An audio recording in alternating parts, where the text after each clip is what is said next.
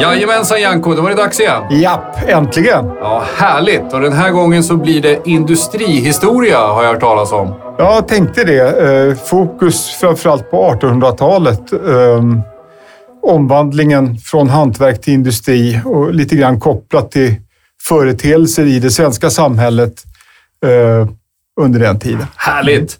Och kanske hinner vi med lite annat skoj också. Men som så ofta när det gäller öl så hamnar ju gästen i centrum. Oj, oj, Oj, oj, oj, oj. Så även idag. För första gången har vi bjudit in en gäst till Janko-podden och inte vem som helst. Varmt välkommen Edvard Blom! Tack så hemskt mycket. Det är verkligen jätteroligt att vara här. Jag har hört alla era avsnitt. Jag är en stort fan av podden, så det ska bli en glädje att se hur det ser ut i verkligheten också, inifrån här. Härligt! Det är en stor ära för oss att du är här. Ja, Det verkligen. blir verkligen en, en, en härlig tid tillsammans. Så, jag menar, du behöver ju knappast någon eh, presentation, men jag ska försöka mig på. Så får du se om det, om det är korrekt efteråt. Humanist, arkivarie, redaktör, näringslivshistoriker, kulturhistoriker, gastronom, föredragshållare, skribent, poddare, youtuber, moderator, matlagare, programledare, författare, artist, riddare, hedersledamot, kamrat, make och pappa. Ja, men det låter väl ganska bra.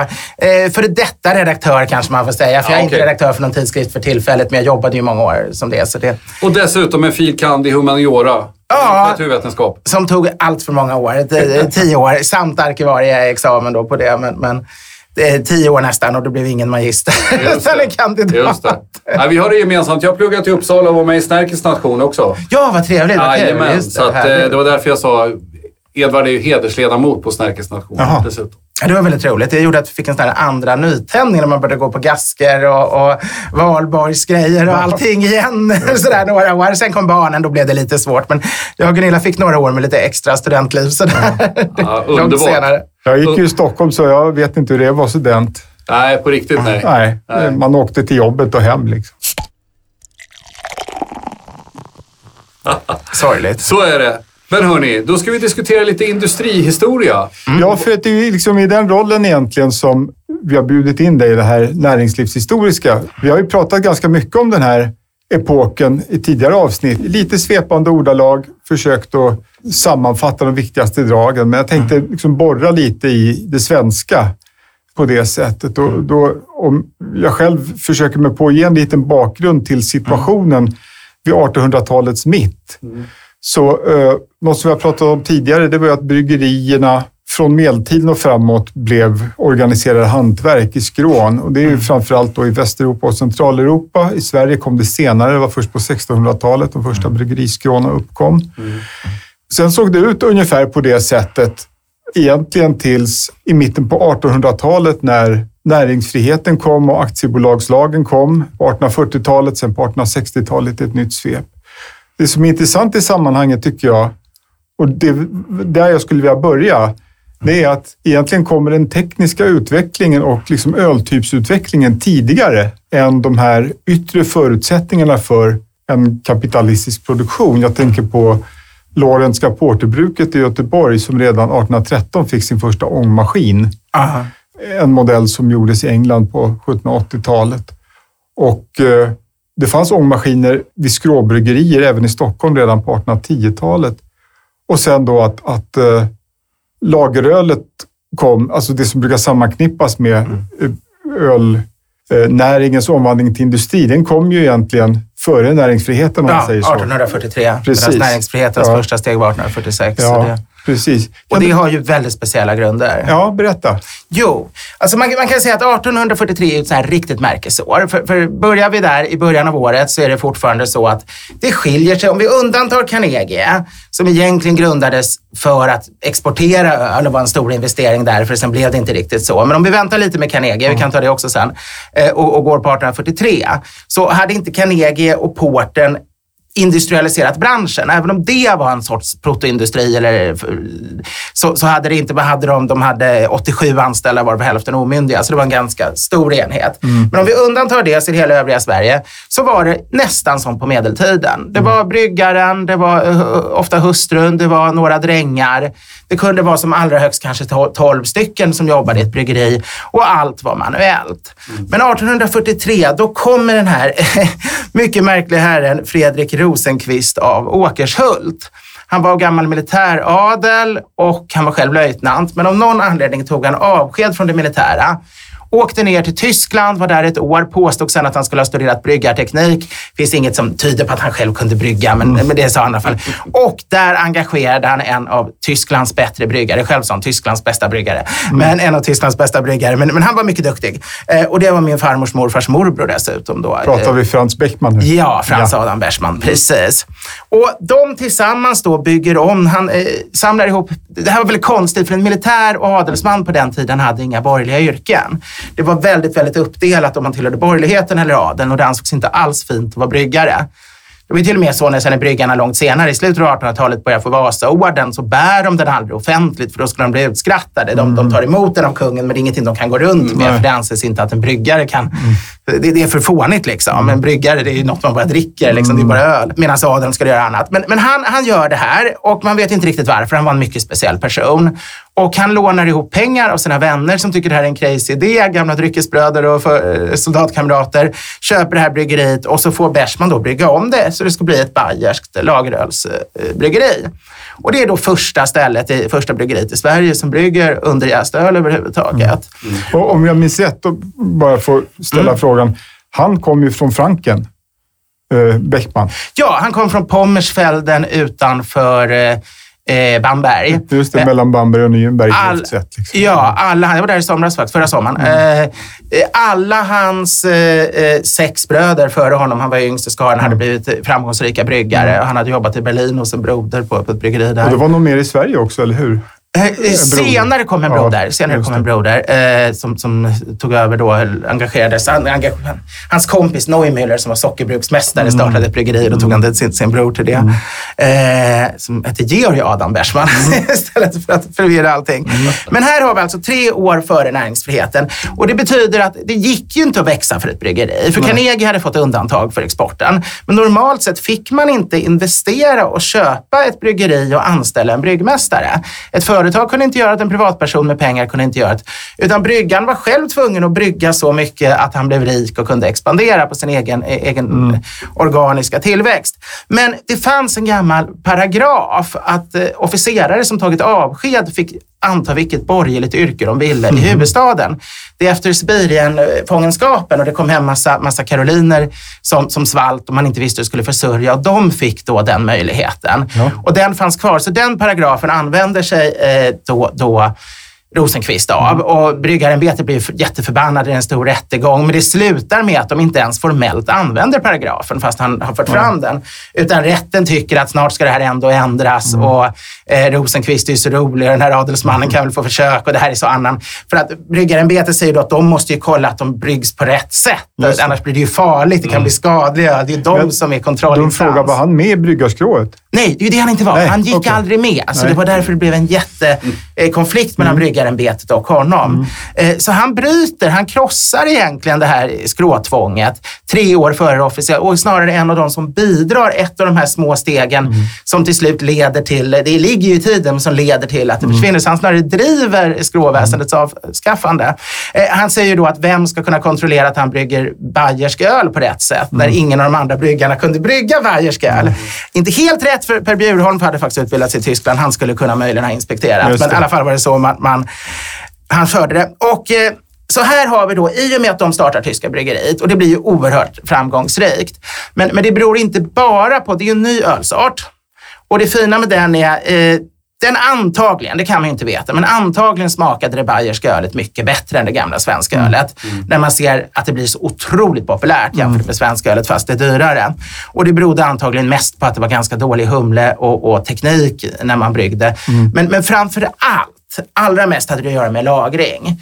För man, man köpte ju öl vid den här tiden i öppna kar. Man gick till bryggeriet och så köpte man en kanna, ungefär som du berättat att man, man eh, kan, kan gå i Tjeckien och fylla på sin kanna vid, vid, vid, På krogen, På ja. krogen ja. Och det var lite så man gjorde. Det är därför det fanns bryggeri i vartenda hörn också, eller i alla fall varenda stadsdel. Eh, men det surnade ju inom några dagar och det blev ju inte som så läckert eh, medvetet suröl, utan kunde bli ganska otrevliga saker som växte.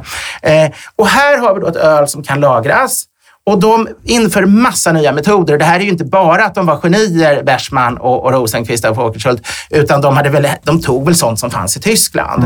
Och de började tappa på flaska, som var väldigt ovanligt tidigare. De kör hem både flaskor och eh, småtunnor hem till folk. De märker med korkstämplar så man kan se att det är tyska bryggeriet. Tidigare har det bara funnits öl. Man har inte vetat varifrån ölen kommit och därför har det inte varit intressant att konkurrera med kvaliteten om man har köpt. Och de börjar därför sälja i, i små, små livsmedelsaffärer. Överallt i små affärer börjar de sälja. Och eh, dessutom kör de runt med bryggarvagnar med stor reklam på och säljer från vagnarna. Det var ju tillåtet på den tiden att sälja starköl från en Som bryggarvagn. glassbilen ungefär. Som glassbilen. Ja. Eh, de får också alla tidningskontor, och det fanns jättemånga sådana, att sälja deras öl. Och det kan man ju fråga, varför ska tidningarna börja sälja deras öl? Jo, för de var även först att börja annonsera i tidningarna, så Ja, de just det. såg som tidningarnas välgörare. Ja. Eh, Så de var först med hela den här kommersialiseringen kan man säga kring, kring ölen i Sverige också. Allting, hela, hela mark- De gjorde en produkt. De var först med, med distribution, de var först med att göra produkt av dem och varumärke och de var först med, med, med, med en marknadsföring. Innan räknade man med att folk gick till närmsta bryggeri om man inte misslyckades totalt med tillverkningen.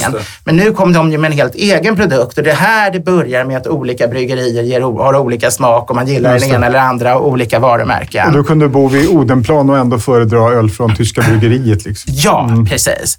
Så det, det här är ju oerhört intressant. Sen, får de, sen har de massa sådana här, de får drottning Josefina att säga, som ju var Bayers prinsessa från början. Hon, hon, hon eh, började dricka deras öl istället för att importera tysk öl som man gjort tidigare och det är från Bayern. Och det är ju jättebra. De får Medicinalstyrelsen att säga att den är eh, bättre smak och mindre berusande än annan öl, vilket naturligtvis var rent nonsens. Och det här är intressant. Där säger de mer än annan öl och porter. För där lever det fortfarande kvar att öl och porter juridiskt var ju lite olika saker. Ja. Och det var ju för att Carnegie inte skulle behöva skulle komma undan skråtvånget så hade man ju tyckt att ja, men Carnegie gör ju porter, så Ja. det, det är inte riktigt samma sak, så de behöver inte gå med och skrå. Så det var det, var det första.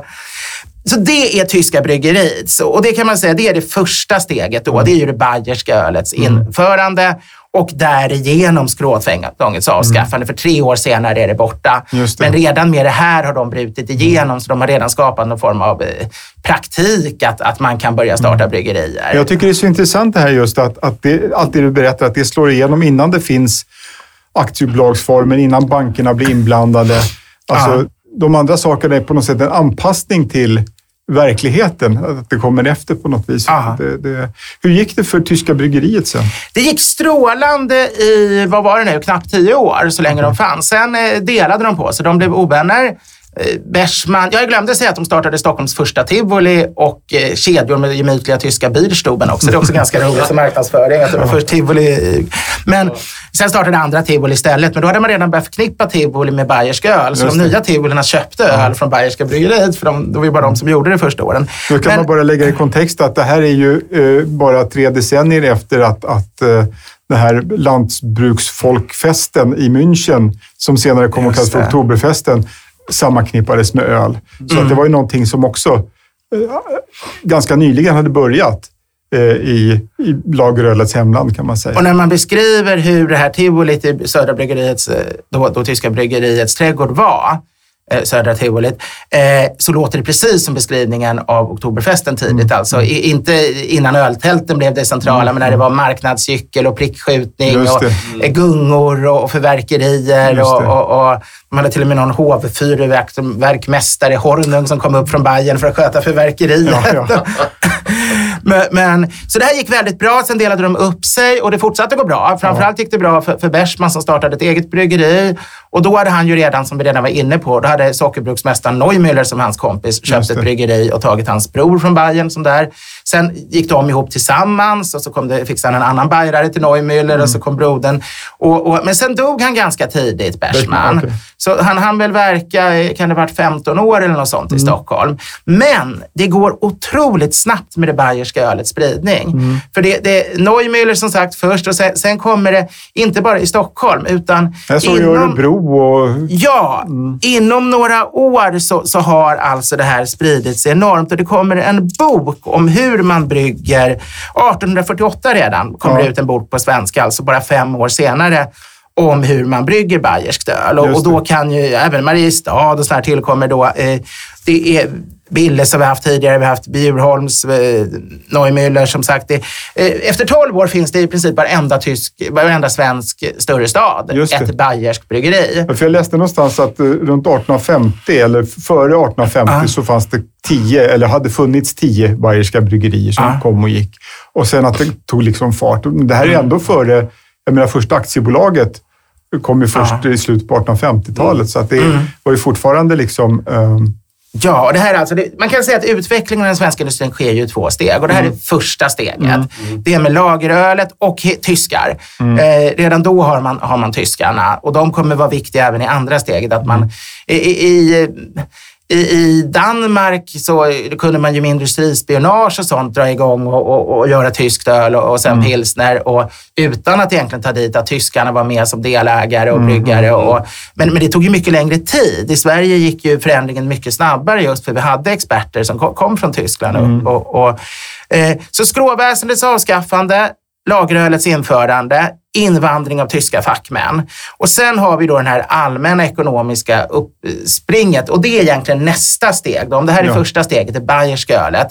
Eh, och då blir det stora framgångsrika enheter som växer som är något helt annat än de medeltida eller som bara tio år Just det. tidigare. Men fortfarande är de mycket små jämfört med vad som kommer att vara i slutet av Just 1800-talet. det. För då talar vi om kanske tusen anställda och de här komplexen som Münchnerbryggeriet och Hamburgerbryggeriet och så som vi ännu ser. Jag för mig 1870 att det fanns... Eh, fortfarande 1870 så tror jag det bara fanns knappt 10 bryggerier som hade fler än 20 anställda i, i Sverige. Ah. Att, och att det mesta, även fast det fanns ångmaskiner och det hade använts i tiotals år av enskilda bryggerier, så var det fortfarande helt dominerande, alltså före 1880-talet när den stora Ja. boomen kom, med hantverksmässiga bryggerier. Ja, och det stora, alltså det man måste ha eh, ångmaskinen för, det är framförallt maltkrossen. Eh, Man fick ju driva med hästar och sånt innan. Och det, Men jag vet till exempel när Münchens bryggeri kommer, och den är ju exempel då på nästa typ av bryggeri, för där har det blivit näringsfrihet. Så där kan, man, kan bröderna Brusell starta ett företag, ett aktiebolag, folk får teckna sig, de samsuger in kapital från alla håll och kan bygga en stor enhet från början. Och då köper de, eller köper, de köper en gammal textilfabrik där det redan finns en ångmaskin. Så jag, jag tror att de tidiga lät nog inte installera ångmaskiner. Det kan Nej. finnas något men, men just att det var att de, när de köpte en lokal som används av något annat kunde man, och då utnyttjade man det naturligtvis. Så vitt jag förstår så var de första som byggde en ångmaskin för bryggeriet, Mm. eh, det var Stockholms Bryggeriaktiebolag, alltså Sankt Eriks bryggeri på Kungsholmen. Just det. Då i slutet på 1850-talet. Och det var också det första Mm. aktiebolaget. Alltså München fanns ju tidigare, men de blev aktiebolag först 1861, så här var De 1859. bolagiserade kanske sen. Så kanske det var. Precis. Okej. Alltså de började med att ta över den här. Och det var ju. Brusells eh, båda två, för de, det var de som sen lämnade München och eh, sta, byggde Stockholm Okej. som blev Sankt Erik sen. Just Så de var inblandade Ja. båda i det. Så egentligen Sankt Erik är ju pionjären på det sättet att det var både Ja. första aktiebolaget och första liksom, platsbyggda ångmaskinen. Var någonstans på är Kungsholmen låg det? Det ligger kvar. Kungsholms torg. Det som var Pressens hus till ganska nyligen, Ja. eller om det fortfarande är det. Men, Precis. Det är ju, eh, Tjusig byggnad. om man bor i Stockholm eller besöker Stockholm och hamnar på Kungsholmen så finns det eh, en ganska stor byggnad kvar där. Jag tänkte, kan vi placera in, för de finns ju kvar byggnaderna många av Ja. de här. Kan ni nämna lite grann var, var de ligger och så vidare? Münchenbryggeriet för de Ja, som det är ju det mest slående. Alltså det man ser idag är ju mest från en ombyggnad i början på 1900-talet för det brann Ja. där. Men, men de det, hade en enorm... Det är det som gjorde det till München. Münchens bryggeri blev ju Sveriges största bryggeri och det var tack vare att det brann. De hade en eh, VD som heter Kvennerstedt som var väldigt, fram, väldigt duktig. I och med att det brann och det var välförsäkrat så kunde de bygga om allt från scratch precis som man ville ha det och med det senaste nytt, det. eh, maskinerna från, från, från Tyskland. jag läste det var- någonstans att de gjorde typ 10 procent av allt öl i Sverige under en period. Ja, det var oerhört stort. Och, och att det användes 1,2 miljoner tegelstenar för att bygga det som man Ah. fortfarande ser idag. Och, det, och det är ju häftigt för att de här de har ju en väldigt speciell arkitektonisk utformning också. Med det här nygotiska och nyrenässans. Och Det, det byggde ju mycket på att man behövde ju ha väldigt stora ytor för malt, malttorkning och lagring, lagerkällare. Och sen behövde man ha väldigt höga för, för, för själva bry, bryggandet. Liksom. Det. Och, och där fick du ju de här rådhus eller kyrkoformen på byggnaden. Vilket då blev ganska tråkigt om det var en jämn fasad. Men om man då inspirerades av tyska rådhus och satte tinnar och torn och, och eh, och sånt, så, så blev det ju istället någonting som såg ut som något mäktigt medeltida rådhus eller, eller slott. Och som man kunde sätta på etiketten och som blev en bild i, i staden. Och, som var väldigt, så, så det, det, är ju, det är väldigt häftigt med de där men, men den andra då skedet, det är ju då, det börjar egentligen också med ölutveckling delvis. Det har byggts, det, det är en löpande från tyska bryggeriet att det blir större och större enheter.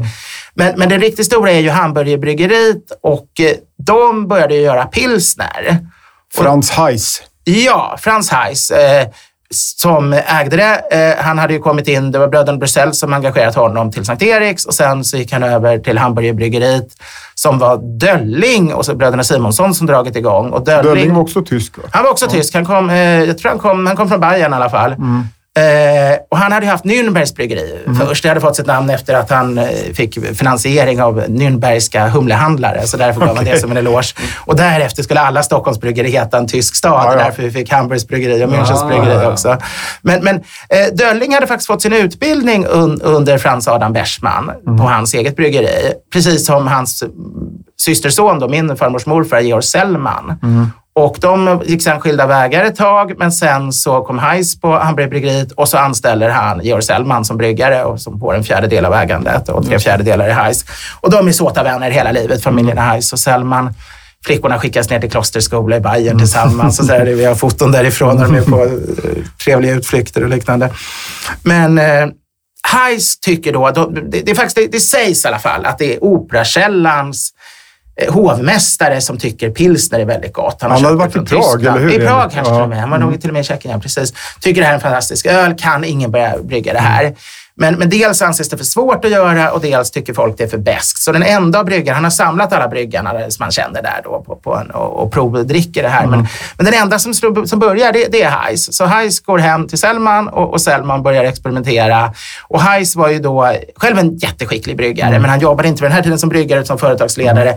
Men han hade ett till företag som var den som egentligen köpte in all tysk bryggeriutrustning till Sverige. Alla gick genom han visste Germania Maschinenbau. Precis, han var svensk agent för dem. Och, och, och, och det gjorde att det blev ju väldigt... Eh, han, han var väldigt duktig tekniskt och Selman var väldigt duktig bryggare. Så de får till en väldigt bra pilsner. Jag läste någonstans att någon av dem åkte ner till och med faktiskt till Böhmen för att Mm. eh, lära sig metoden. Det, det, det är jätteintressant. Så det, så, så det, och det blir väldigt framgångsrikt. Eh, Hamburgerbryggeriet växer enormt och blir det största ett tag i Stockholm och eh, får bygga det här jättekomplexet som också finns kvar vid Norrtullsgatan, eh, som ju är ett helt kvarter. Och sen börjar även de andra brygga pilsner istället för, vad ska man säga, den, den tyska ölen. Är det ungefär som en Helles skulle jag nästan tro. Eller tror du att det var lite mörkare? Jag vet en, inte. Jag har eh, funderat lite på det där. Det, det som står i den litteratur som jag använt inför det här Mm. poddavsnittet. Där beskrivs ju... eh, alltså den, den klassiska Münchnerlagen, den är ju mörkbrun Ah, med låg det, beska. Mm. Och det svenska ölet sägs skiljas från det bayerska genom att det är lägre beska, ljusare färg och högre kolsyra. Mm, eftersom svenska konst... Och jag tror att det är för att det är mjukare vatten här. Det är väldigt hårt Ah. vatten i München. Så att ljusgult till ljusbrunt var det någon Mm. som beskrev det som. Det här med pilsner och hajs, det var i slutet på 1870-talet, eller hur? Ja. ja. Jag ska säga, jag är alltid dålig på siffror. Jag tror att det var 1878. Det kan nog stämma. Sen läste jag någonstans att, att det gjordes ett försök i Borås redan tidigare, Sandvall där. Ja, man men- får inte glömma Sandvall. Peter Sandberg har alltid varit på mig sedan eh, 20 år eller något, när vi, eller om det är ännu längre sedan han första gången hörde mig prata. Du glömmer ju Sandvall. Den allra första pilsnern i Sverige gjordes inte av Heiss och Sellman, som väl redan Samuel Bring trodde när han skrev bidrag till Stockholms Bryggerier historia. Det. Eh, Utan det var ett försök, eller han nämnde, jag tror han nämnde Sandvall men skrev att det var obetydligt eller något. Mm. Och, och, och, och det var inte, alltså ska man tro Peter så, som man ska tro, för han har ju doktorerat på det här, eh, så, så, var det inte obetydligt i, mm. i, Borås, utan det var en ganska ändå betydande pilsnertillverkning. Men kortlivad. Men mm. kortlivad. Det, det, det, var ändå inte så att det spred sig. Så man kan säga Carnegie, jättestor portertillverkning, eh, eller ganska stor jämfört med, med de här stora hamburgerbryggeriet som var mm. pyttelitet. Mm. Men, och, och Sandvall i Borås, litet, men ändå de gjorde en hel del pilsner under några år. Men ingen av dem var det som gjorde att, Stockholms, att Sveriges bryggerier industrialiserades. Nej. Utan det är tyska bryggeriet och sedan hamburgarbryggeriet och de andra Stockholmsbryggerierna. Mm. Det är därigenom industrialiseringen sker. Ja. Stockholm verkar verkligen gå i bräschen, liksom både i det här första skedet ja. med lagerölet, om inte man ska tro på den här Ystads uh, historien. Det finns ju uppgifter om att det ska ha bryggts lager i Ystad redan 1842. Det är intressant. finns i sekundära källor och inte har gått att belägga. Okay, nej, men, men, det som betydde något var ju uh, tyska bryggeriet och mm. sen hela den här koncernbildningen, du kommer väl in på det sen gissar jag, det här med mm. Louis Frenkel och bankirernas ja, intåg. Ja, precis, och så precis. Mm. Men, men redan innan det, det är egentligen inte så viktigt tror jag för utvecklingen. Alltså det är mm. jätteviktigt för att, hur det blev. Mm. Men jag tror det hade varit lika framgångsrikt och stort egentligen även. Jag, jag tror nästan att det jag, jag som tror att konkurrens snarare är en fördel, vilket man inte trodde bland, bland tyskar på den här tiden, mm. utan man hade den här synen på att man levde ändå rätt mycket i skråtankar rätt länge. Särskilt och, och, i Tyskland vad jag förstår. Ja, mm. men vi kan alltså se här på 40 år har det gått från, från 10-12 anställda, högst några drängar och, och, mm. och ägaren själv, till att alltså ha blivit de här jättekomplexen. Mm. Kanske, de kanske har tusen anställda. När man räknar bara antalet slädar och hästkärror som står mm. uppställda på bilder framför Hamburgs eller, eller, eller Münchens, så kan ju det vara 300-400. Mm. Så bara, bara kuskarna var 400 kanske. Och hur många då inte kullor, bryggeriarbetare. Hästarna var ju mm. hur många som helst. Och, och de gjorde ju sina egna tunnor, tunnbindarna, de, de vaxade. De hade ju alla typer, seldonen. Det var ju hantverkare. Det här blev ju industrier som var enorma och påverkade liksom, de sög in alla typer av hantverk, för allt var de självförsörjande med. De mältade själva, de, de gjorde allting själva mm, den här tiden. Mm, mm. Och det, det, är ju väldigt häftigt, så det präglar ju verkligen och, och bidrar till den allmänna ekonomiska tillväxten och till att folk dricker mindre brännvin. För pilsnen ses ju mycket som en kamp mot brännvinen. Mm. Den tidiga nykterhetsrörelsen var ju väldigt förtjust i pilsnen och var ju glada åt att den infördes. Och framförallt tror jag på Åkershults tid, för sen på 1880-talet så tror jag att det började svänga lite. Redan då började de. Ja. De blir inspirerade från, från svenska amerikaner i Nordamerika mm. som är absolutister. Att man ska börja vara mot ölen också. Mm. Så, sen, det kommer snabbt sen. Men, Åkers, men, men, tidigt där så, så äh, tycker de det är bra med en bättre mm. öl. Ja, men, men, men pilsnen där då? Fick den ett genomslag direkt? Alltså, för man var ju inte van vid det. Man tyckte kanske att det var lite bäst i början som ni nämnde. Ja, konstigt nog. Den borde inte det, men de jobbade naturligtvis också med marknadsföring. Men konstigt nog så Hamburgerbryggeriet fick sån stor tillverkning så de snart gick över till att bara göra pilsner och, och de väldigt snart växte ut lokalerna på, på Luntmakargatan, eller Lilla Tullportsgatan tror jag hette på den tiden, men det som idag är Luntmakargatan. Och fick då flytta till Norrtullsgatan med det här jättekomplexet. Så man, man, kan säga att det var otroligt framgångsrikt. Mm. Mm. Och alla andra sadlar egentligen om och går från... Sen går man ju inte... Eh, man behåller väl någon form av vanlig ljus bayersk öl också. Mm. Iskällardricka, bayersk öl. Det fanns ju många varianter. Man gjorde en och annan Weissbier och man gjorde lite julöl och Erlangerbier och sådär mm. också.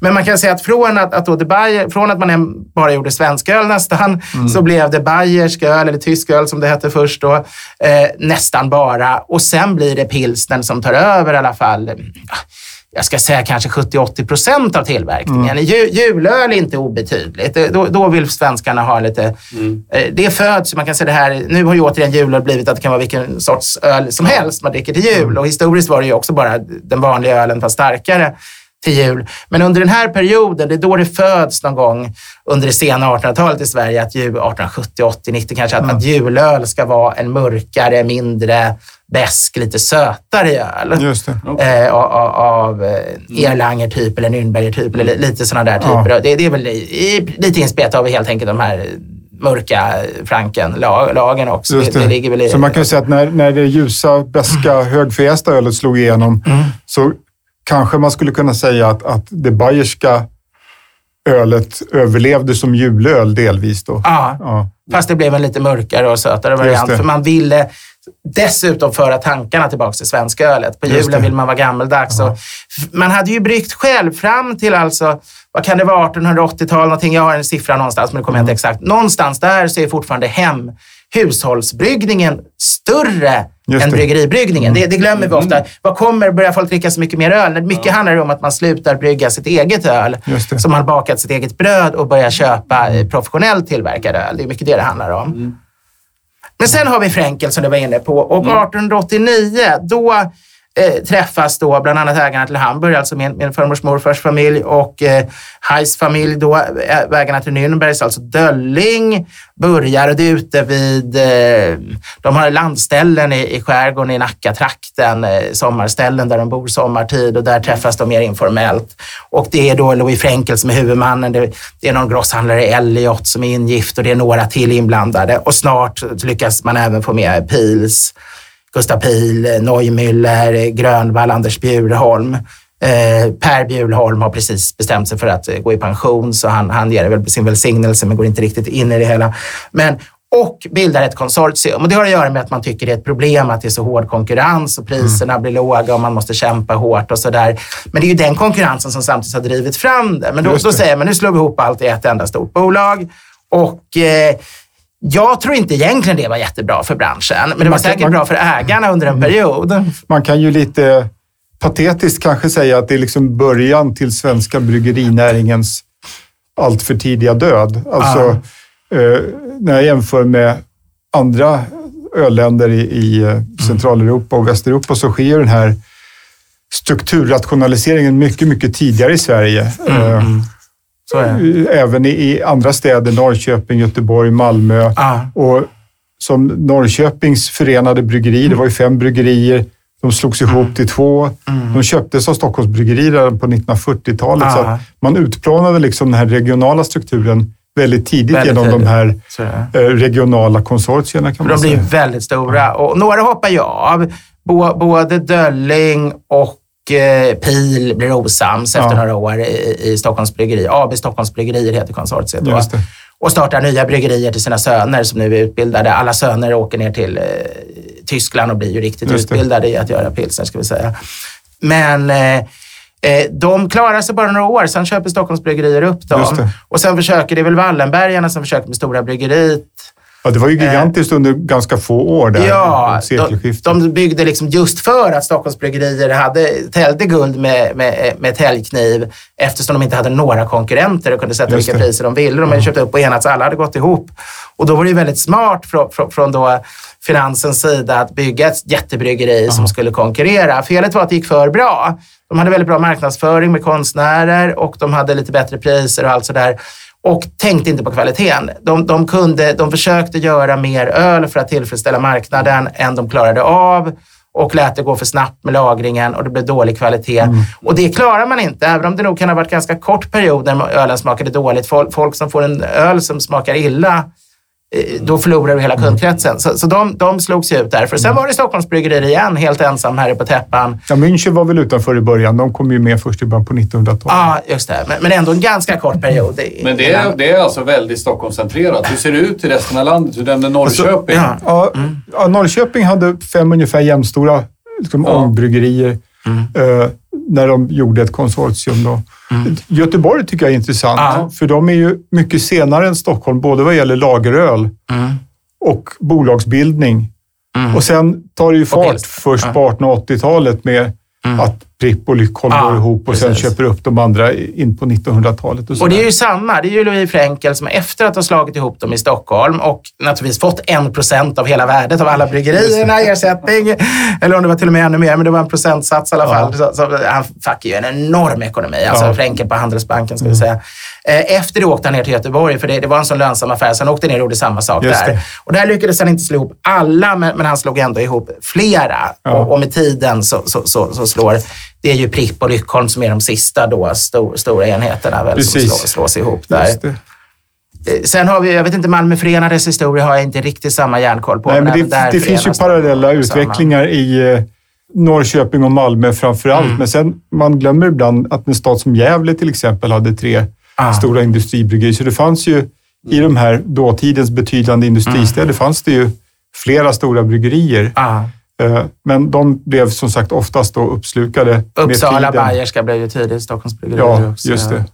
precis. Så har vi Eskilstuna och Linköping. Var vi inne på. Ja, Nyköping inte minst. Ja, jag är från Nyköping. Jag tror det det är hela liksom, mellan, mellan Sverige. Och, Ja. och sen har vi ju det där som, då är vi långt bortom industrialiseringen. Det är ju en Mm. helt annat tema. Men när sen de, de tre jättarna liksom, Just det. eh, Stockholms Bryggerier, Pripp och Lyckholm, Malmö Förenade, eh, köper allting och sen slår det. Malmö Förenade, Pripp och Lyckholm upp och sen blir allting Pripps Ja. liksom, med några få Men då utfall. är Men det är en det några år helt senare, i mitten på 60-talet, Ja, 1960-talet. men det är ju en period, det är ju en ständigt pågående process. Just Alltså, det.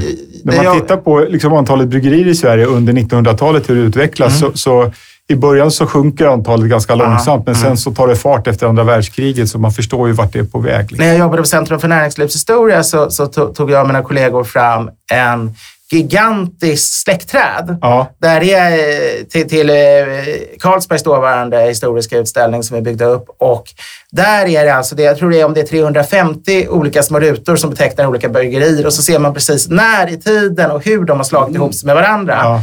Och det är ändå en relativt jämn, om man tittar där, eh, Ja. frå, från 1800-talets, då, eh, man kan säga Stockholms bryggeriers bildande Ja. och sen framåt hur, hur de olika klustrar ihop sig. Ja. Och till slut är allting bara en enda av allt det där. Och det, det är ju väldigt intressant. Men som sagt, det var nog ingenting som var till fördel. Medan däremot den här te- fantastiska utvecklingen fram till AB Stockholms Bryggeriers eh, begrundande var, var ju en fantastisk utveckling och någonting som var väldigt bra för ölkvaliteten och eh, olika typer Mm. av öl, olika sorter. Alltså det, det, det, det kan man nog bara säga var positivt. För jag, jag tror att både den här konsortiebildningen och eh, så småningom alkoholpolitiken Mm. efter 1903 framför allt måste ju ha bidragit liksom till att, att hämma kvalitetsutvecklingen i Sverige. Den. Du kan ju ha blommat i mitten på 1800-talet, alltså från Mm. Beckmans tid, Mm. om du säger fram till 1889 om man ska nämna Ja. ett drastiskt år. Det kan ju teoretiskt sett, nu vet vi ju inte det, men det kan ju teoretiskt sett vara liksom väldigt välbyggda öl och intressanta öl Ja. på den tiden. Vi vet ju att det, vi, vi har ju etikettsamlingar som åtminstone visar att det fanns väldigt mycket varianter. Vi har tappjournaler och sånt och vi har ju nedteckningar om att det. ölet blev någonting som, som man drack i fina sammanhang och någonting som eh, kunde finnas på kungamiddagar och sånt. Alltså det, det. det hade en hög status mot vad det haft tidigare, Ja. så, som någonting som, som bara... Jaha. Eh, och, och mycket brännvin ersattes med öldrickande. Så, så man, man kan nog vara ganska säker på att ölen, ölen hade en blomstringsperiod. Ja.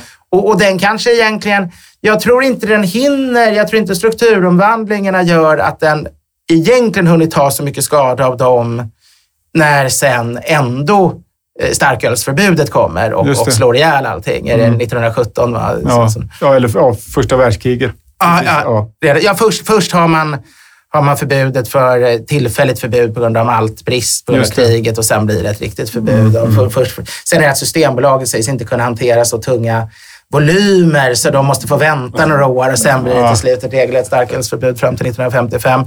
Men även om vi inte haft starkölsförbudet så hade nog de här stora ihopslagningarna varit negativt. Men samtidigt fanns det ju ändå frifräsare kvar. Mm. Vi, vi ser liksom så här små småttingar som Grängesbergs och sen Mm. blev Spendrups och sådana. Det fanns ju ändå eh, små, små. Så hade bara marknaden fått fungera så är det ju mycket möjligt. Jag menar, när SE-banken, eh, Stockholm, eh, Skandinaviska och enskilda slogs ihop var ju Handelsbanken i Stockholms enskilda och Skandinaviska lika stora. Man slår ihop Skandinaviska enskilda, så väntar man några årtionden och sen är ihopslagningen lika stor som Handelsbanken. det. Så väldigt ofta, du ser med Prips som ju, man slog ihop alla de här enheterna till, till Prips och man stod för nästan otroligt stor andel av svensk Ja, öl. 70-80 procent. Ja, och idag är de ju inte ens största bryggeriet. Spendrups har ju gått om för flera år Ja. sedan som största bryggeri. Så, så en stor enhet blir ofta slö och inte särskilt duktig. Eh, och, och, och därför så tror jag i och för sig inte... Jag tror strukturomvandlingarna var negativa, men jag tror inte de hade varit någon större skada om det bara varit dem. Utan det är ändå starkölsförbudet som Mm. Just det. gör. Och sen i och med strukturomvandlingen i och för sig så fick ju staten den här galna idén att Sverige behöver bara ett bryggeri. Det var Just ju det. den offentliga eh, linjen från, från, från Okej. staten i, Ja. i många, många årtionden. Mm. Kanske i 50-60 år att man skulle försöka, att målet var att man skulle till slut bara ha ett bryggeri. För det var praktiskt. Mm. Det, det behövdes inte mer. Nej. Brygginvest. Ja, precis. Men hur, om man, jag menar, de inspirerades av Tyskland Mm. en gång och hur, skillnaden i Tyskland mot i Sverige, hur det såg ut. Det, Ja. det var ju inte alls på samma sätt i Tyskland. som det växte fram i Sverige. Det var inte de här stora konglomeraten och så vidare. Eller Det var, alltså, man kan säga att hur såg det ut där? i, i Tyskland så fanns det ju koncentrerat till vissa orter. Ja. En liksom oerhört st- liksom stor industriutveckling. Förutom då idag kända städer som München och Dortmund och sådär, så Kulmbach var ju en jättebrygeriort och man kan säga att varje större eller medelstor stad hade några större bryggerier. Men det som är lite speciellt är att det också har överlevt bryggerier Mm. under hela perioden på landet. Mm. Och det kan man ju, tänker jag, eh, hänföra till att bryggning blev ett etablerat hantverk till skillnad från Sverige mycket tidigare. Alltså här bryggde bönderna sitt eget öl, enkelt uttryckt. Och som du sa, Edvard, så sent som på 1880-talet att det vägde jämnt mellan Ah. hemöl och Mm. industriöl. Medan i Tyskland så var ju industri, eller, ja, hantverksmässigt tillverkad inte liksom som sekundär näring utan att det fanns bryggare som gjorde öl även på landet väldigt mycket tidigare. Då. Och det är ju exakt samma sak egentligen om man drar paralleller med bagerier. Just det. Jag menar nere på kontinenten där det var tätvuxet och hantverkartraditioner så, så var det ju professionella bagare med professionella ugnar och man gick och köpte sitt, sitt både i England och Frankrike och Tyskland. Mm. Medan i Sverige bakade man själv. Särskilt efter skiftet var det ju inte tal om något annat. Nej. Men även innan var det ofta så att man bakade själv. Charkuterier, man gjorde sin egen korv i Sverige medan i, i Tyskland tillhörde man Mm. korv, korv stod, man var såna här, det fanns olika skrån för olika typer av syltor och korv och sånt som var specialister. Korvstånkare, heter det? Ja, det kan det. Jag vet inte. Fiskblötarskrået fanns Ja. som bara hade hand om att göra lutfisk till Ja, exempel ja. i Tyskland. Ja. eh, Men, men alltså, det var ju mycket mer byar och hantverk och, och, så, så det ligger i en allmän sån tradition tror jag att man, man i Tyskland inte har velat släppa det riktigt heller. Ja. Men smakmässigt då, om vi är inne på liksom vad man... Ja. Vad man eh, något som förvånar mig eh, efter lagerölets genombrott är ju att, att många andra öltyper levde kvar ganska länge. mm. Eh, nu kommer jag inte ihåg vad det var för bryggeri, men eh, om det var Pripps kanske som gjorde svensköl ända in på 1890-talet och de bryggde engelska öl till 1870-talet. Ska vi påminna lyssnarna vad svensk öl, vad det innebär Mm. egentligen? Svensköl är det överjästa, eh, oftast då hemöl som bryggdes för omedelbar konsumtion i Sverige. Det. Eh, någon sorts eh, färsk brown ale eller mild kanske närmast i stilen. Lite Titta. röktoner möjligen. Det finns ju en del Ja. som menar att eh, det som, som är drickor på Gotland egentligen inte skiljer sig från ungefär vad man gjorde för hemöl i alla fall. Mm. Ja, fast det är ju festvarianten då. det är festvarianten, det är den starkare naturligtvis. Till, Ja. till. Eh, Något som är intressant om man pratar om smakbild. Mm. Jag har tittat lite grann på analyser av öl från 1800-talet. Det gjordes en stor genomgång 1873. Det var Jakobsen i, i Danmark som gjorde den. Mm. Och då ser man att svenskölet ligger på vörtstyrka 13-14, vilket är liksom starkare än liksom konventionellt starköl, men en alkoholhalt på, som folköl. Mm. Så att det måste ha varit väldigt sött, väldigt mycket liksom maltextrakt kvar. Verkligen. Sen när det bayerska ölet kom, då ligger det på kanske 15 i världsstyrka, 14-15. Det är nästan som bocköl eller som märtsen eller Mm. bocköl. Fortfarande en alkoholhalt på 5 procent ungefär. Och sen när pilsnen kommer, den är ju inte lika hög fet som idag, men den låg på 12,4 tror jag, den här eh, Heiss-pilsnen och 5 procent alkohol. Mm. Så att det är först egentligen runt 1880 som ölet börjar smaka så som vi är vana, att, att det inte är så sött helt enkelt. Och då måste det ju varit en ekonomisk fråga också, att man alltså minskar sädåtgången per, per liter. Ja, det var säkert kraftigt. väldigt lönsamt när Ja. man lärde sig uh, jäsa mer effektivt. Mm. Det intressanta i de här siffrorna var Carnegie var väldigt högförjäst. Mm. Det skulle man tro var sött och extraktrikt, men, men det, var liksom eh, väldigt modern Mm. relation mellan vörtstyrka och alkohol. Att det var starkare på den tiden, det var över 7 procent. Mm. Men det var inte alls så, så lågförjäst som de här bayerska ölen till exempel. Men var det vanligast att man, eh, att man köpte hem öl och drack öl hemma fortfarande? Eller hur såg, hur såg eh, krogkulturen ut här när vi pratar slutet på 1800-talet och så vidare i Stockholm? Gick man ut mycket, drack öl ute så att säga? Och, Alltså alla bryggerier hade ett antal krogar. Det hade de haft redan före Bergman och Rosenqvist startade sin kedja med Bayerska Bierstuben. Men, men då blev det ännu mer populärt för de skulle vara mer gemytliga. Så det fanns nog ett ganska bra krogliv och det är då vi har alltså, alltså Per Bjurholm, han satt på något som heter Björngården där han var centralgestalt och som hade Bjurholms bryggeris öl. Det var ju en jättestor eh, bryggarämbetet ägde ju Pelikan som var mm. ett jättestort ölställe också. Eh, det var ju en, överhuvudtaget restaurang om man kunde, men det var mycket öl naturligtvis som bryggarämbetet ägde det. Revs tyvärr när man gjorde om Slussen. Mm. Så, så jag, jag, det bör ha druckits mycket öl på krogen. Eh, det dracks naturligtvis väldigt mycket punch också. Bland ja. borgerligheten var ju det det, det, det stora. Och, och det dracks eh, starkviner och det drack eh, romtoddy en del och, och det dracks fortfarande brännvin bland vanligt folk. var det fortfarande mycket brännvin naturligtvis på landet och så.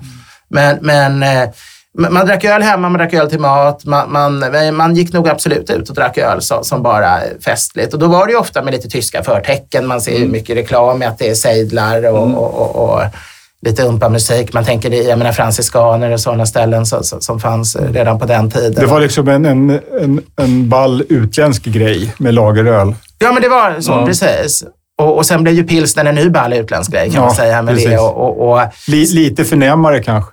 Ja, det tror, jag, det tror jag. Och Sverige var ju väldigt tyskinfluerat under de här åren och, och, och på alla sätt egentligen. Mm. Så, så det, det, påverkar naturligtvis också synen på ölet. Ölen var mycket tysk, förutom då Carnegien som, som ju var det var en, mm. eh, i och för sig tysk-amerikan Lorenz, eller det hette ju Lorenska bryggeriet innan ja, han, skotten, ja, David Carnegie, mm, köpte, köpte bryggeriet. Då.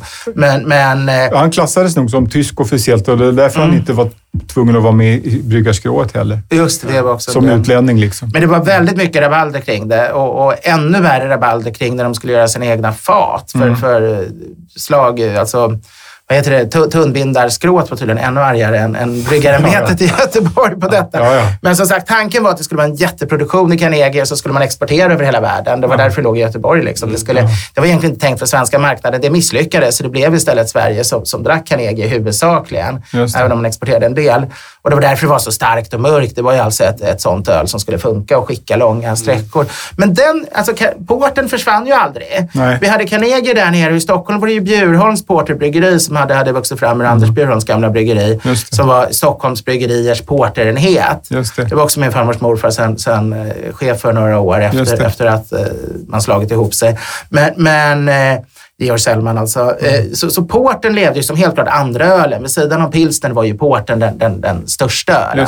Mm. Men sen kan man se etiketterna kom ju i slutet av 1800-talet. Först mm. är det korkstämplar då. Mm. Man bränner bara in initialerna i korken. Sen, sen är det etiketter och, och, då finns det ju stora etikettsamlingar och där kan man ju se att det ändå fanns väldigt många olika mm. sorters specialöl. Alltså, jag blev väldigt förvånad för den äldsta etiketten vad jag förstår i Sverige, den kommer från Bjurholm tror jag. Den, mm är från 1865 och det hette Strong Scotch Ale. Eller något okay, och det var för mig okänt att man hade liksom så specifika brittiska mm. ölsorter som marknadsfördes mm. på butelj med etikett.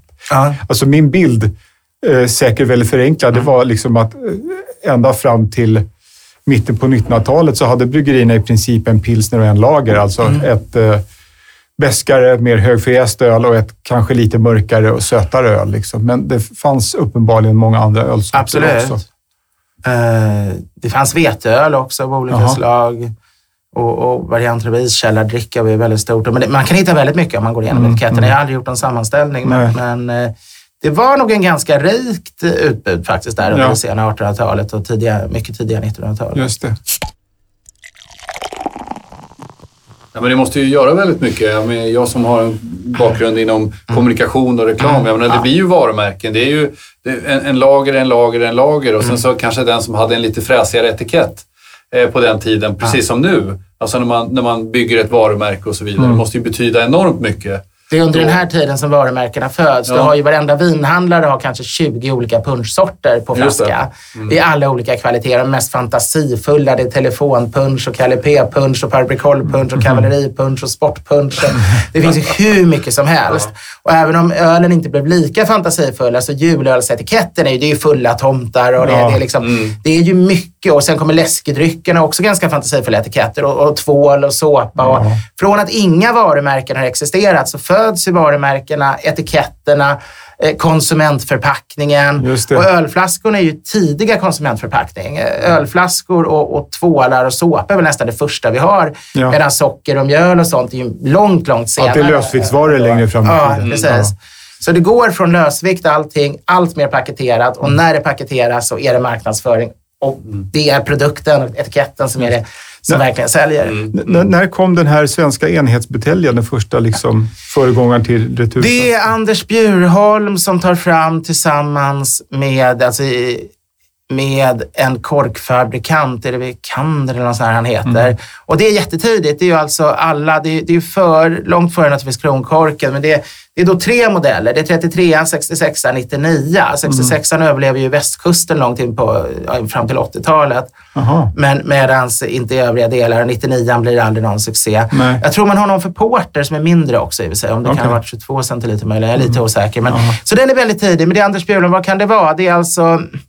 Det är ju in, efter tyska bryggeriet, men jag tror det är före Bryggarföreningens officiella grundande. Att det här handlar om ett eh, samarbete som är mer bara kring flaskorna. Just det. Vad ligger vi då? Jag är så dålig på siffror. Men Bryggarföreningen 1800 grundades 1885, så att kanske på 70-talet någon gång. Ja, sent 1870-tal eller Ja. tidigt 1880-tal. Jag tror det är några år före Bryggarföreningens Just det. Mm. grundande. Och, och det är en av de, Bryggarföreningen, en av grundarna, viktigast är ju att den grundas är ju det här politiska, att det, kommer, att det har blivit så radikaliserad nykterhetsrörelse. det. Men då tar man ju in alla de här samarbetena man haft tidigare, lite halvt problematiska och inte fått riktig koll Just det, på. för det beskrivs ju i litteraturen Mm. som att det är dels kampen mot nykterheten och sen kampen, alltså tekniskt samarbete, just Ja. enhetsflaskor. Precis, det, det är Eh, de två saker. saker, Men ja. det som egentligen de har behövt samarbeta jättelänge och har varit ganska dåliga på. Att, och det som knuffar dem till det är när de under med kniven på strupen, när, när, när de håller på att få hela sin bransch förbjuden. Just det. Det, det är då de till slut går samman, men det, de har haft nytta det av många andra anledningar. Utbildning och teknisk Just är de två, tre, två när du säger enhetsflaskor, innebär det att man kan använda samma flaskor från olika bryggerier? Ja. Man hade ett... Ja. Som det en gjorde returflaska Ja, för hela riket Ja. kan man säga. Glas var ju jättedyrt, så man hade ju inga, inga man gick och slängde. Det var inga Nej. sådana där som idag, Nej. eh, att man bara går och slänger dem och, och så den in igen. Utan eh, buteljer var ju till och med, fortfarande på 1700-talet var de i bokuppteckning om man hade tre Ja. buteljer. så så man, man gick tillbaks till bryggeriet med de flaskor man Mm. hade. Men det bisarra är ju att, att det sista som händer, alltså tappningen är en akilleshäl väldigt, väldigt länge. Så långt efter att till exempel München har ångmaskin och allting känns jätteautomatiskt och sådär, Mm. så har de ännu inte fått ens Pinstoftes sextappare. Som, Mm. Utan man tappar fortfarande en öl i taget, tappar och slår igen. Sen kommer den här sextapparen då, som först femtappare sen sextappare. Så man kan åtminstone ställa upp sex flaskor, dra i en spak och så har du sex tappar och så slår du kork i alla sex. Naturkork då som måste kokas och tryckas precis som på vinflaskor. Och, och, och, så tappningen är ju väldigt sen och därmed så länge du har eh, handtappning kvittar det ju om hur flaskorna ser ut. Då behöver de inte vara likadana, bara de är ungefär lika stora så kan man köpa det. Det. Men sen måste du ju börja ha, ha när det ska maskin... Så, så först när du får den här enhetsflaskan kan du börja få det maskinella när, när flaskorna liksom åker på band. Det. Och det är samma flaska vi fortfarande har då, även om den blir mindre och mindre vanlig. Men för folköl och lättöl är den ju fortfarande. Och när, när man bytte till kronkork så tog man ju bort den här klumpen upp till naturligtvis. Och satte den lite, man gjorde den min, lite mindre tjock. Ja, halsen går in den lite tidigare, men det är Ja. i princip samma. Det är i princip samma. Ja. Ja. Väldigt häftigt. Vad, hur- flaskans utveckling och så vidare, hur mycket har det att göra med kvaliteten? Liksom om man ska spara ölet en liten stund och så vidare. Jag menar, ju bättre flaskor man hade, desto bättre öl, eller hur? Alltså det är ju framförallt hur rena man lyckas göra dem, tror jag. Ja. Eh, Så att det, jag, jag tror, liksom, glas är ett väldigt bra material, liksom ogenomsläppligt. eh, Men det släpper igenom ljus. De här tidiga flaskorna var alltid bruna, vilket Ja. sägs vara bättre då. Det lär vara betydligt bättre än grön. Ja. Så. Ja. Och när kom, när kom, eh, aluminium, när kom burkarna då? När, när, hur, vad pr- pratar vi då? Eh, I USA 1930-talet, men i Sverige slog det igenom först med mellanölet ordentligt. Mm. Det fanns enstaka burkar redan på 50-talet, kanske tidigare, men det var ju då det blev en stor produkt kan man säga. Öl på konservburk som det hette i början. Ja, just det. Och det var I början hade man ju inga, inga såna här, man fick ju ta en speciellt verktyg och göra hål på två ställen. Som man, vissa bartender fortfarande gör på vissa juiceburkar. Ja, det kommer jag ihåg när jag var liten. Var juice, Ja. på båda sidorna. Så, ja. Men så såg jag någon reklam från eh, Pripps på den tiden att man, man var ute till, till sjöss. Att man skulle sticka hål i burkarna när man slängde dem över bord. Så att de Just skulle det, just det. sjunka ner. Det är smart. Ja, så att man ska vara lite naturvän. Ja, det är bra. Det var ju i alla fall järn, eh, järnburkar. Ja, Om man tänker sant. på alla järnfartyg som gick under så stod väl deras järn, järntillägg. Det var väl egentligen ingen större fara för Nej, naturen. nej. Men det känns ju inte som något man skulle Nej. göra idag. Med aluminium så ligger de väl där för evig tid. Nej, det är mer liksom själva sy symbolvärdet i det har ju förändrats drastiskt. På Nej, vi har ju bara 50 pratat lite om det, förpackningar med glas och aluminium Ja. och så vidare. Att idag så, är de flesta moderna bryggerier nu, det är ju mycket burk nu Ja. som kommer. Eh, Och jag har ju förstått att du är inte så jätteförtjust i det. Jag tycker det är fruktansvärt. Jag, jag, jag, alltså det, det är ju rent kulturmässigt. Ja. Alltså. Jag, jag tycker ju också det. Även om jag gillar Bjurholm, alltså Anders Bjurholm var otroligt skicklig, fantastiskt han tog fram de här burkflaskorna och hela det. Så jag är lite ledsen att det i Sverige blev 33 år, för jag gillar ju tyska modellen med 50. Jag tycker det är en lite mer lagom mängd om vi Ja. inte talar starkporter eller imperial eller, eller barleyvine eller någonting som man... Men å andra sidan, då delar jag det alltid med min hustru, så då behöver jag en 50 därför. då blir det ändå bara 25 till mig. Men, men jag, jag tycker burken är... Dels tycker jag 33 är lite lite. Jag tar hellre 50, men framförallt tycker jag att burk känns... Alltså jag är ju uppvuxen med att det var, det var fyllgubbar som satt på bänken med burkarna. Det var, jag kan berätta en sedelärande historia. Ja. Jag, Ja. jag var som 16-åring i München hos goda vänner, eh, till, barnen till min fars ungdomsvän Konrad. Och vi cyklade i Englische Garten och vi har kommit långt bortom stadens hank och stör där inne och befinner oss vid någon sån här paviljong, typ ekotemplet i Haga ungefär och ska gå upp och titta på den för den är utsikt. Men vi vågar inte för då är det ett gäng eh, eh, knarkare där, gäng narkomaner och de verkar väldigt aggressiva. Så, så våra, våra vänner säger då, nej vi ska nog låta bli, det här kan nog gå lite, vi får titta härifrån. Och så säger jag, men vadå är det narkomaner? Så här, ja, ja, det, det ser ja, men, ja, men de har ju ölsejdlar. Då si- sitter de med enliterssejdlar och dricker öl samtidigt som de är påtända. Och det här är jättelångt från att säga. Jag frågar liksom, men, men, men varför dricker de ur, ur glas? Vad har de sejdlar för? Och de säger, ja men de har de väl stulit, säger de. Ja men ändå, de, de måste ju ha gått jättelångt med de här. Men vad skulle de annars göra? De kunde väl halsa, säger jag. Ja. Så tittar de på mig, det är en fin katolsk familj. Då tittar de, men Edvard, det här är också människor. Tror du någon människa skulle sjunka så lågt bara för att det gått illa för en i livet och man fastnat i ett missbruk? De tyckte jag var så dålig kristen och katolik som kunde ha en sån, sån otrolig syn att de här stackarna skulle halsa liksom, ur flaskan, ur förpackningen. Så knark, narkotika, Ja. fine. Men inte halsa. Nej, nej, men det, här, det, här går, ja, men det var det sista. Det var det sista. Alla liksom ville ändå ha uppehålla någon form. Precis som man har kläder på kroppen så, så häller man väl ändå ölen i ett glas innan man... Värdighetens sista bastion. Liksom om man börjar halsa. Det har det ju. Men, men att hälla upp det, det har ju en smakmässig och konsistensmässig kol. Att man får bort kol. Så det finns ju tusen grunder varför man ska göra det. Och det kan man ju göra även ur en burk naturligtvis. Men det är bara att jag tycker burken känns. Det, det blir så. Nu, nu är de ju snygga, massa färger och så. Det blir lite hippt och sådär. Jag, jag föredrar ju, precis som jag gillar vinetiketter från Tyskland, de gamla med, med släktvapnet och, och lite så här guld och något nå slott och sådär. Mycket mer än de moderna där det bara ska vara någon chic, står något coolt namn på någon vit bakgrund. liksom. penseldrag uppe i hörnet. Ja, precis. Så tycker jag också mycket mer om en klassisk stor brun ölflaska med, med traditionellt. eh, Men det är ju för att jag är konservativ. Liksom. Det, det har ju inget med någon sanning att göra. Det är bara smak. Nej, precis. Nej, smakmässigt så är det väl, det har vi ju pratat om också, är det ju väldigt svårt att känna någon skillnad. Mm. Du hävdar ju ibland att till exempel Budvar på burk smakar bättre än på flaska. Ja, definitivt. Det är ju en grön flaska å andra sidan, så att där finns det säkert en förklaring till den här lite skunkiga smaken som kan komma. Men visst, man kan se det ur flera aspekter. Jag håller ju helt med Edvard om det här med, med sensualiteten runt en glasbutelj är något helt annat. Och framförallt kanske de här halvlitersflaskorna, euroflaskan, framförallt den lite kortare som fanns när jag började dricka öl i, i hela Centraleuropa egentligen. Eh, De, sen blev det modernt med lite högre och smalare flaskor. Om man själv inte är så hög och, och, och smal så Ja, tycker det. man det stubbiga känns trevligare på något sätt. Ja. Jag tänkte om vi kunde avrunda också med lite grann eh, de här byggnaderna som vi bara Ja. nämnde lite kort, eh, som vi finns i Stockholm. Ja, Kunde vi bara ta en liten kort genomgång kring dem om man vill gå och titta på byggnaderna? Ja, väldigt finns många finns ju kvar. Tyska bryggeriet finns inte kvar. Nej. Eh, men om vi kommer... Ja, de största är ju Münchenbryggeriet, mm. Södermellanstrand. Och vi var inne på Sankt Erik, Stockholms bryggeri, som det hette från början, vid Kungsholms torg. Och så har vi då Stora bryggeriet som ligger, som sen blev, blev eh, Hornsbergs maltfabrik och Kabi och allt det där. det finns ganska Eh, mycket kvar där. Ja, i, vad ska man säga, Chris, nej, inte, vad heter det? Det heter, Ja, Hornsberg. Det heter ju Hornsberg. Längst bort på. Kungsholmsön Ja, kan man säga. Ja. Och sen har vi... eh, Vilka fler har vi? Vi har ett gäng till. Hamburg finns ju kvar. Hamburgerbryggeriet finns kvar eh, eh, vid, vid Norrtullsgatan, mm. Surbrunnsgatan. Mm. Och sen har vi Gamla Tullportsgatan, finns väl några kvar. Inte just tyska, men det finns... Ja, sant det. Alltså Neumüllers finns ju kvar. Neumüllers finns kvar. Det är det som är Stalands möbler. Precis. Ja, det är ju, tycker jag, bredvid Münchenbryggeriet, det ah. kanske bäst bevarade. Ah. Sen finns det lite kvar av Nürnberg.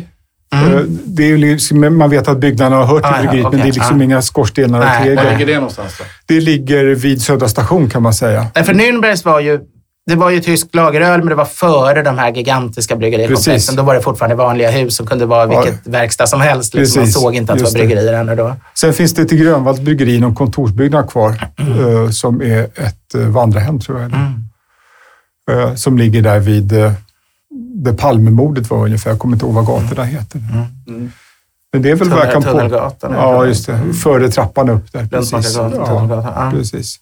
Det är vad jag kan påminna mig ja. om. Det fanns ju länge kvar eh, rester av, eh, var det Pils bryggeri, där ringen ligger idag vid Skanstull. Ah, okay. Och eh, där Åhléns ligger på andra sidan. Vid, på, på södra Söder fanns Var det stor... Pils nya då alltså? Jag kommer inte ihåg det. dels vanliga Pils och Pils nya? Ja. Som, jag tror det. Och sen Pilsnerbryggeriet där, ah. där, um, där hotellet ligger nu, vid mm. Skanstull. Mm. Nu har jag glömt vad det heter, bredvid mm. Åhléns där. Men det är ju fantastiskt. Det finns ju ingen annan industri som riktigt har, har fått en sån särpräglad mm. egen arkitektonisk stil och byggt sådana palats. Så det, det är ju väldigt häftigt. Det. Ja, men som du beskrev det också, att man, mm. man kunde föra samman så många olika hantverk i ah, en enda ah, industri. Att man hade allt på samma ställe. Ah. Det är häftigt. Ja, gigantiskt verkligen. Ja.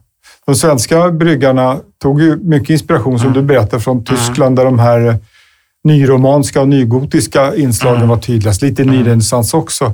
Men sen var det några som köpte liksom böhmiska uh, ritningar också. De mm. var mer klassicistiska, lite stramare mm. i arkitekturen. Och så var lite Danmarks påverkan också. Men de flesta byggdes ju sedan av svenska ingenjörsfirmor. Jag ska nämna Alvin Jacobi var den arkitekt som gjorde flest av de här stora i Stockholm. Ja. Jag kommer inte exakt ihåg vilka han ritade, men han var den som tydligen var mest Just det stilbildare. Ja. Men det, det, är ju kopierat naturligtvis från kontinent. Mm. Precis. Ja, har, vi, har, har, vi glömt någonting? Nej, det känns eh, jättebra. Jag kunde mm. till och med släcka min fusklapp eftersom vi kom in på precis allt det. Ja, men vad bra. Det var, det var helt perfekt. Nej, det var ja. underbart och stort tack för att men Det var jätteroligt att vara här verkar. Jag hoppas inte lyssnarna tycker jag har pratat för mycket eftersom de ja, älskar det är meningen. det var meningen det. Gästen i centrum. Det var trevligt. Det var väldigt trevligt. Tack, tack, för alla som har lyssnat och, och som sagt, det gör jag också vartenda avsnitt. Ja. Jag tycker det är en underbar podd. Vad bra. Härligt. Stort tack för idag hörni. Tack allihopa. Hej då! Dagar som kommer, dagar som går. De kommer aldrig igen. Så det är bäst att idag passa på att leva för fullt min vän. Ja, varför försaka det goda som bjuds i tillvarons gästabud? Livet på en pinne, göra vardag till en fest. Ta varje liten chans du får och njut. Livet på en pinne, Nåt för varje sinne välbehag får blomma ut. Jag bjuder inte kalas. Här ska tas taberas. För en rätt på mitt sätt med kryddor och fett och en gnutta salt gör livet på en pinne. Något för varje sinne. Jag ditt välbehag få blomma ut. Låt alla sinnen få sitt. Ljudet av en kork som skjuts ut ur en flaska champagne. Synen av en glaserad spädgris över öppen eld. Smaken av en bit stilton som sakta smälter i munnen. Doften från nygräddat rågbröd och känslan av att knåda en biff tartare. Bjud sedan in var kamrat. Dock ej bara på mat. Så låt vänner och släkt med livshunger väckt tillsammans leva livet på en pinne något för varje sinne allt som livet ger.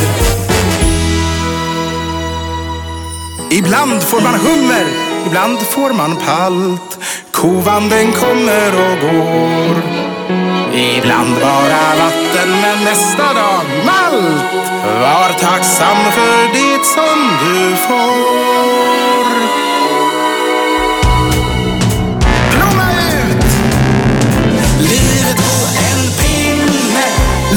livet på. För mig är varje dag en fest. Ta varje liten chans du får och njut, njut, njut, njut. Livet på en pinne. Jag låt ditt välbehag få blomma ut i full blom. Ta varje liten chans du får och njut, njut, njut. Jag låt ditt välbehag få blomma ut.